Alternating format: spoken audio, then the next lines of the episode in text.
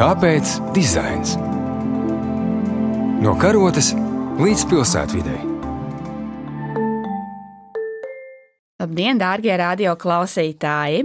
Šodien raidījumā Kāpēc dizains? Mēs runāsim par dizaina veselības aprūpei, par jomu, kurā pareizi un atbildīgi dizaina lēmumi var glābt dzīvības, savukārt pavirši un kļūdaini risinājumi apdraudēt to.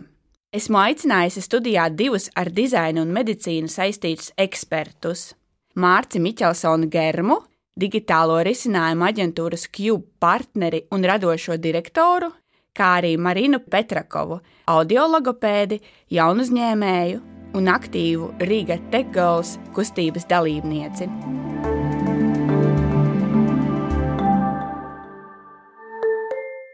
Mani sauc Mārcis.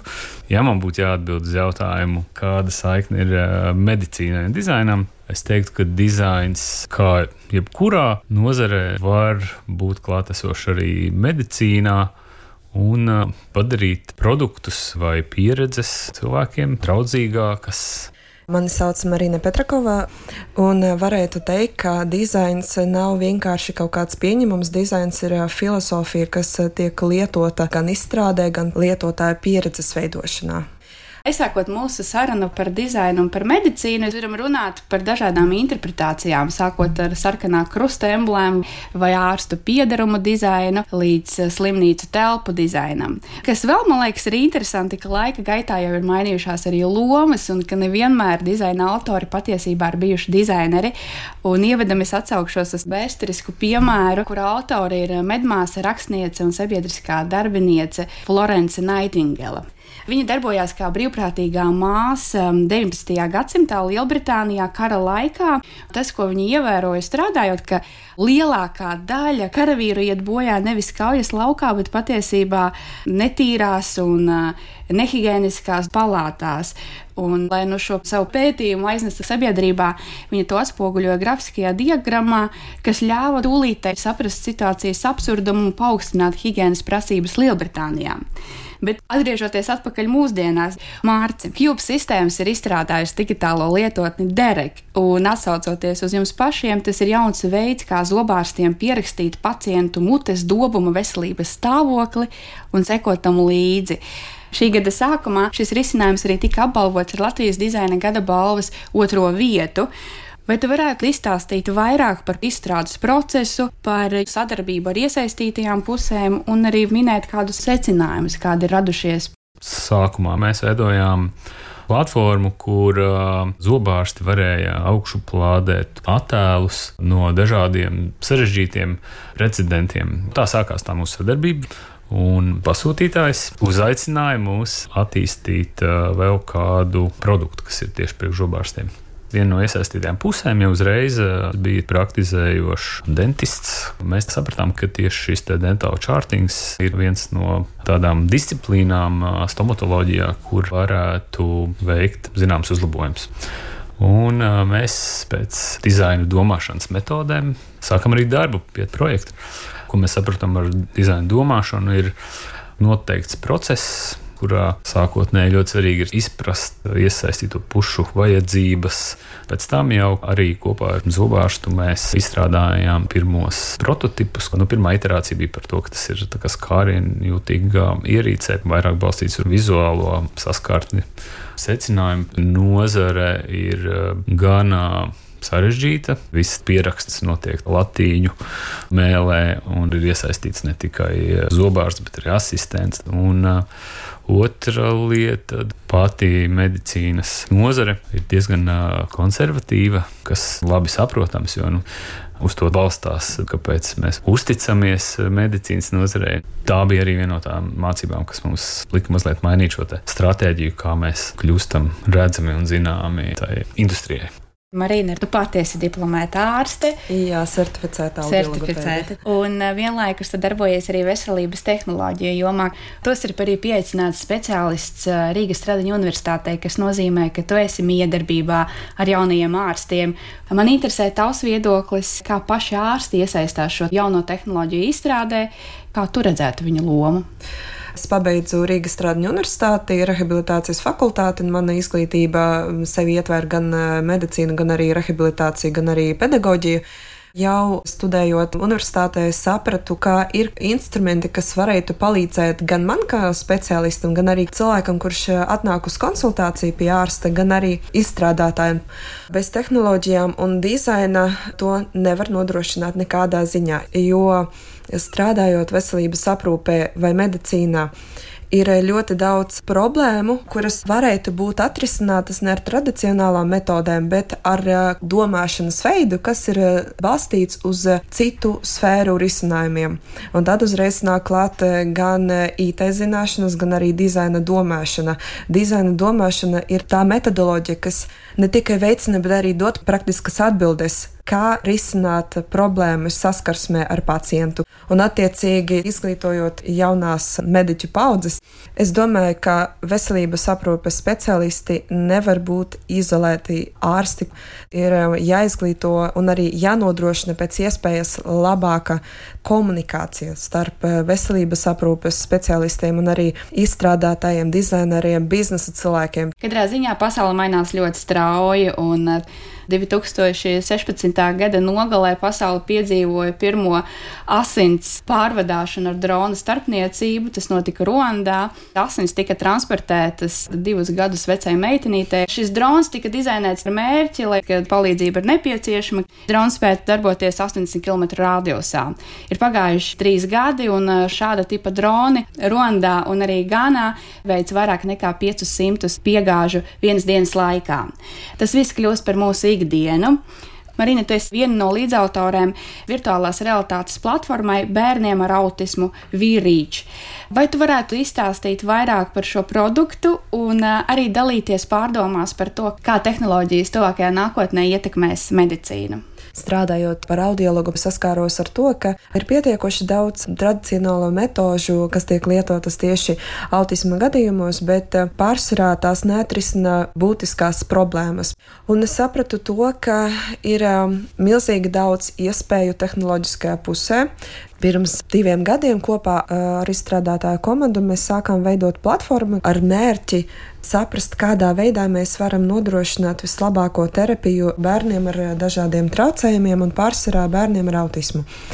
Un šajā gadījumā virtuāla realitāte varētu būt ļoti labs rīks, kā piesaistīt bērnu uzmanību. Mēs nevaram runāt par kvalitatīvo terapiju, ja 21. gadsimtā strādājot ar bērnu, mēs balstām terapiju uz papīra materiāliem. Tas, protams, dažos gadījumos var veicināt labus rezultātus, bet Bet, eh, ja mēs ikdienā saskarāmies ar to, ka bērni vairāk lieto digitālās ierīces, jābalsta tā terapija uz eh, bērna interesēm. Un bērna intereses šajā gadījumā ir tehnoloģiskais risinājums.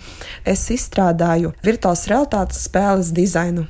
Tas nozīmē to, ka es balstu savu terapiju uz eh, to, kā bērns rēģē uz virtuālu realitāti, lai bērnam pēc iespējas ātrāk attīstītos tas, kas ir nepieciešams man kā speciālistam.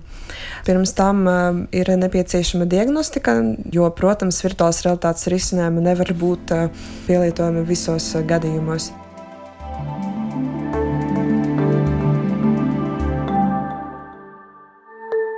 Es teiktu, ka mēs esam ļoti tuvu digitālās veselības risinājumiem. Tādā ziņā, ka tā nav nākotne, tas ir tas, kas notiek apkārt mums. Vienīgais ir nepieciešams sagatavot gan sabiedrību, gan arī cilvēkus, kuri potenciāli lietos tos risinājumus.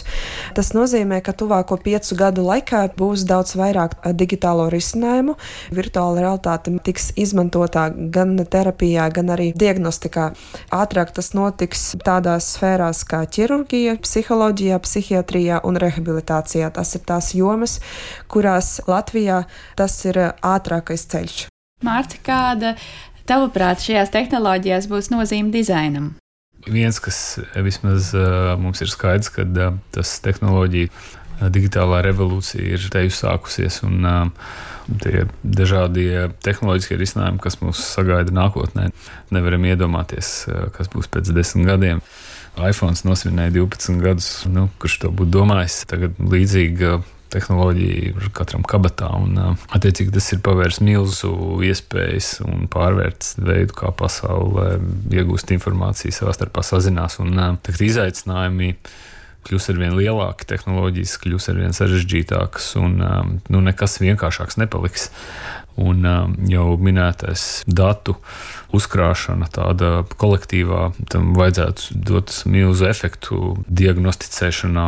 Nesen dzirdēju arī par izsnēm, kur ar attēlu atpazīšanu ir uztrenēts algoritms, kurš atpazīst, vai dzimuma zīmīte ir pēc izskata, vai tur ir potenciāls uztraukties par audzēju. Un, tas ir tāds viens piemērs, kas ir mašīnu mācības tehnoloģija, kur vienkārši tiek dots datoram milzu daudz dati, un algoritms jau sāk atpazīt patērnus. Viens ir skaidrs, ka dzīves kvalitāte krietni, krietni uzlabosies tieši ar tehnoloģiju risinājumiem. Ja tu projektē vai tu dizainē lielu mēroga sistēmas, tad būtu jāreikinās droši vien arī to, ka tavās rokās ir diezgan liela atbildība. Nu, noteikti, kas ir tieši medicīnas nozarē, viena no tādām labajām īpašībām, ko es jau sākumā pieskaros, ka tomēr ir augstas prasības pret kvalitāti. Tas, es domāju, būtu svarīgi arī domājot par dažādiem tehnoloģiskiem risinājumiem, lai mēs viņiem varam uzticēties. Tur dizaineru atbildība būtu jādefinē arī šos principus, kā mēs testējam, kā mēs pārbaudām, kā mēs pārliecināmies, vai šis tehnoloģiskais risinājums patiešām dara un risina tās problēmas, kuras mums vajag risināt. Iespējams, kaut kādos gadījumos tā kļūda ir izmaksāta daudz. Nu, ja tas drons nebūtu aizlidojis, ko jūs iepriekš minējāt, tad dzīvības glābt nebūtu izdevies. Es uh, domāju, ka tieši dēļ tā, ka šis dizaina pieejas process ir tāds iteratīvs, kur ir jāmēra rezultāti, jāmācās no kļūdām, un attiecīgi ar nākamo raundu jādomā, kā šīs kļūdas risināt, novērst. Tā arī, man liekas, ir tā atbilde tieši ar šādu pieeju, arī veidot tos risinājumus, nevis kaut ko izstrādāt un tad palaist, un Dievs ar viņu.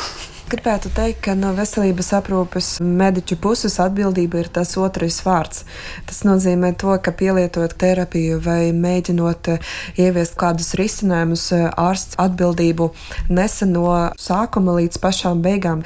Pirmkārt, eh, ārsta interesēs ir jābūt tā sadarbība ar dažādu nozaru speciālistiem. Varbūt tas pats minētais piemērs dzimumzīmītēm, viņš kaut kādā ziņā vairs tam vienam ārstam nav tik liela atbildība, ja, teiksim, tiek izmantots globāls zināšanu rīks, kurš ar daudz lielāku precizitāti spēj novērtēt, vai tur ir potenciāls drauds vai nav. Un tas kaut kādā ziņā varbūt jā, arī noņem slogu no atbildībām, ja mēs spējam izstrādāt algoritmu, kurš jau spēj diagnosticēt precīzāk par ārstiem. Man liekas, nu, tas ir milzīgs iegums.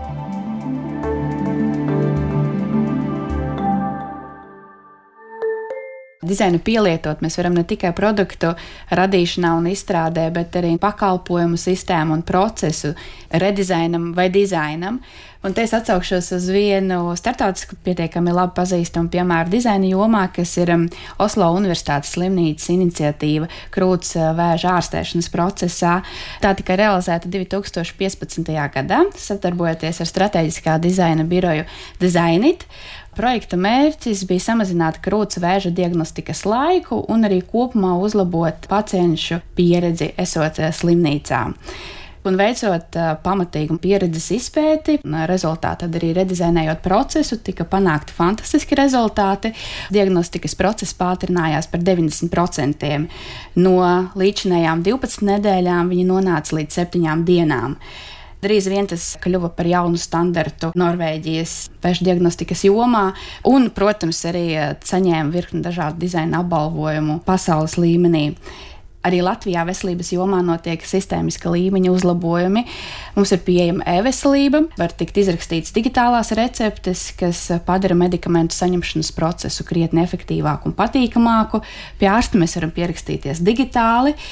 Kas vēl, jūsuprāt, Latvijā būtu jāveic ārstu un pacientu pieredzes uzlabošanai, un kāda loma šajā procesā varētu, jūsuprāt, būt dizainam? Es teiktu, ka dizains var atvieglot gan konsultāciju gaitu, gan diagnostiku, gan arī terapiju. Lai tas viss varētu notikt, vajadzētu ieviest vismaz dizaina domāšanu medicīnas universitātē, lai būtu pamata zināšanas. Tas pamats liks apzināties un saprast, kādi ir instrumenti, lai mēģināt risināt problēmas kopā ar citiem pārstāvjiem no zinātnes, no dizaina puses, no valsts iestāžu pusēm. Jo dizains sākās no tā brīža, kad eh, cilvēks pierakstās digitāli caur internetu pie ārsta. Turpinās tas viss, kad viņš ienāk eh, uz konsultāciju. Katram risinājumam, katrai konsultācijai un terapijai ir jābalstās uz pacienta vajadzībām un tām ekspektācijām. Un, ja ārstam nav pietiekoši daudz instrumentu, kā saprast tās ekspektācijas, tad arī viss paliek daudz grūtāks. Jā, es nezinu tos profesionālos izaicinājumus, kas ir medicīnas nozarei. Man tā pieredze kāda ir, kad arvien vairāk pierodam pie šeit un tagad mūsu patērētāju kultūrā tad tā medicīna nav varbūt tās tā pieejamākā. Nu, ko cilvēki dara? Viņi sāk uzdot jautājumus Google un nonāk dažādos fórumos un informācijas burbuļos, un mēs redzam, ka ir uzplaucis antivaks kustība pasaulē, kas teikt, runā pretēji tam, ko es iepriekš teicu. Tas, es domāju, ir tāds nu, jau negatīvais efekts, kas līdz ar informācijas tehnoloģijām ir arī Latvijā, manuprāt, jūtams, mēģina ārstēties paši vai neārstēties vispār. Varbūt tās viens no risinājumiem, ko es esmu pamanījis, ģimenes ārsts, kuram var piezīmēt tālu, ka kaut kāda iespēja tev ir pie profesionāļa nonākt kaut kā pa telefonu. Un es domāju, tieši tā attālinātā komunikācija šobrīd daudz cilvēku tam nav gatavi. Ir tīpaši nu, gados vecāki, bet uh, tas mainās uh, ar katru gadu. Komerces nozares bankas ir sen jau pieņēmušas lēmumu visu savu komunikāciju pārnest uz digitāliem risinājumiem nu, piespiedu kārtā cilvēki apgūst, iemācās. Bet atkal tas ir eh, jautājums, eh, ja tiek rādīti kādi tehnoloģiskie risinājumi un piedāvāti ārstiem, parasti ārstiem nav acīm redzams, kādu pienesumu tā tehnoloģija nes un kādā veidā tā tehnoloģija palīdzēs tiešā ikdienas darbā. Un tur tas jautājums, kādā veidā ir tā komunikācija starp risinājumu un starp ārstu. Ja mēs sakam, redziet, jums ir eh, jaunās trīs lietotnes jūsu telefonā, tad tas ir viens risinājums. Bet, eh, ja mēs skaidri labi pozicionējam, kādas tieši problēmas ikdienā risina ārsta perspektīvā, tad uzreiz ir cita runa. Tur ļoti labi pastāstīja par to, kādu pienesumu dot zobārstam tā lietotne. Un man, kā citās specialitātes ārstam, ir pilnīgi skaidrs, ka es tagad arī gribu to izmantot. Ir eh, jāpaiet laiks, kamēr būs sabiedrības sapratne, ka tehnoloģijas ir tas, kas palīdz. Un eh, tehnoloģijām ir jābūt dizainam, kas komunicē ar to ārstu, ar to pacientu. Jo viena lieta ir pateikt, no rītdienas mēs visi izmantosim papildināto realitāti, lai aprakstītu melanomas iespēju, un otra lieta ir, ziniet, cik daudz cilvēku, kuri neiet pie ārsta, jo baidās. Cits piemērs arī līdzīgs. Man liekas, 14. gadā bija tāds populārs gadījums par to, ka Amerikā General Electric strādāja pie magnētiskās rezonanses dizaina. Bērniem jāiet uz to magnētiskās rezonanses aparātu, un tas viss skatās pēc šausmu ierīces un nelāgi skan un ilgi jāguļ mierā. Un tur ir tas piemērs, ka viņi arī ar šo dizaina domāšanas procesu pārvērta to par tādu tā pieredzi. Pārdizainējot visu, gan uzgaidāmo telpu, kur tās tēmas bija dažādas - pirātu kuģis, kosmosa stacija. Un pārēt bērnam to par tādu piedzīvojumu, kur viņš nonāk tajā kuģī un viņam tur jāguļ un jāskatās zvaigznēs. Un tur bija kaut kas līdzīgs par 90% apmierinātības, jeb šo veiksmīgo magnētiskās rezonanses uzņēmumiem. Tur runāja par tām bailēm. Tad tas ir veids, kā pat ne ar milzu līdzekļiem dizains, kurš atrisināja šo kritisko problēmu. Tas risinājums vienmēr tiek balstīts uz to formu, kādā veidā viņš ir pasniegts gan bērniem, gan arī pieaugušajiem. Pārsvarā es strādāju ar um, bērniem, bet uh, es teiktu tā, ka jebkuram cilvēkam, kurš nonācis īpaši patīkamā situācijā, kur viņš sagaida kādu palīdzību, viņš vienmēr sagaida, ka tā palīdzība nebūs kaitīga, ka tā palīdzība būs maiga un uh, respektējoša. Un, attiecīgi, šajā gadījumā var palīdzēt dizains saprast, kādā veidā pasniegt to ceļojumu, lai tā terapija strādātu pēc iespējas ātrāk, kvalitatīvāk un aizraujošāk gan bērnam, gan arī pieaugušam cilvēkam. Paldies, Mārcis! Paldies, Marina, ka dalījāties ar savu pieredzi. Paldies, ka atradāt laiku. Paldies par uzaicinājumu. Jā, paldies! Raidījumu vadīja Jelena Solovjova, montēja Andra Černievska Raidījums tapis ar valsts kultūra kapitāla fonda atbalstu. Kāpēc dizains? No karotes līdz pilsētvidē pirmdien, 9.5. ar atkārtojumu sestdien 18.18. 18.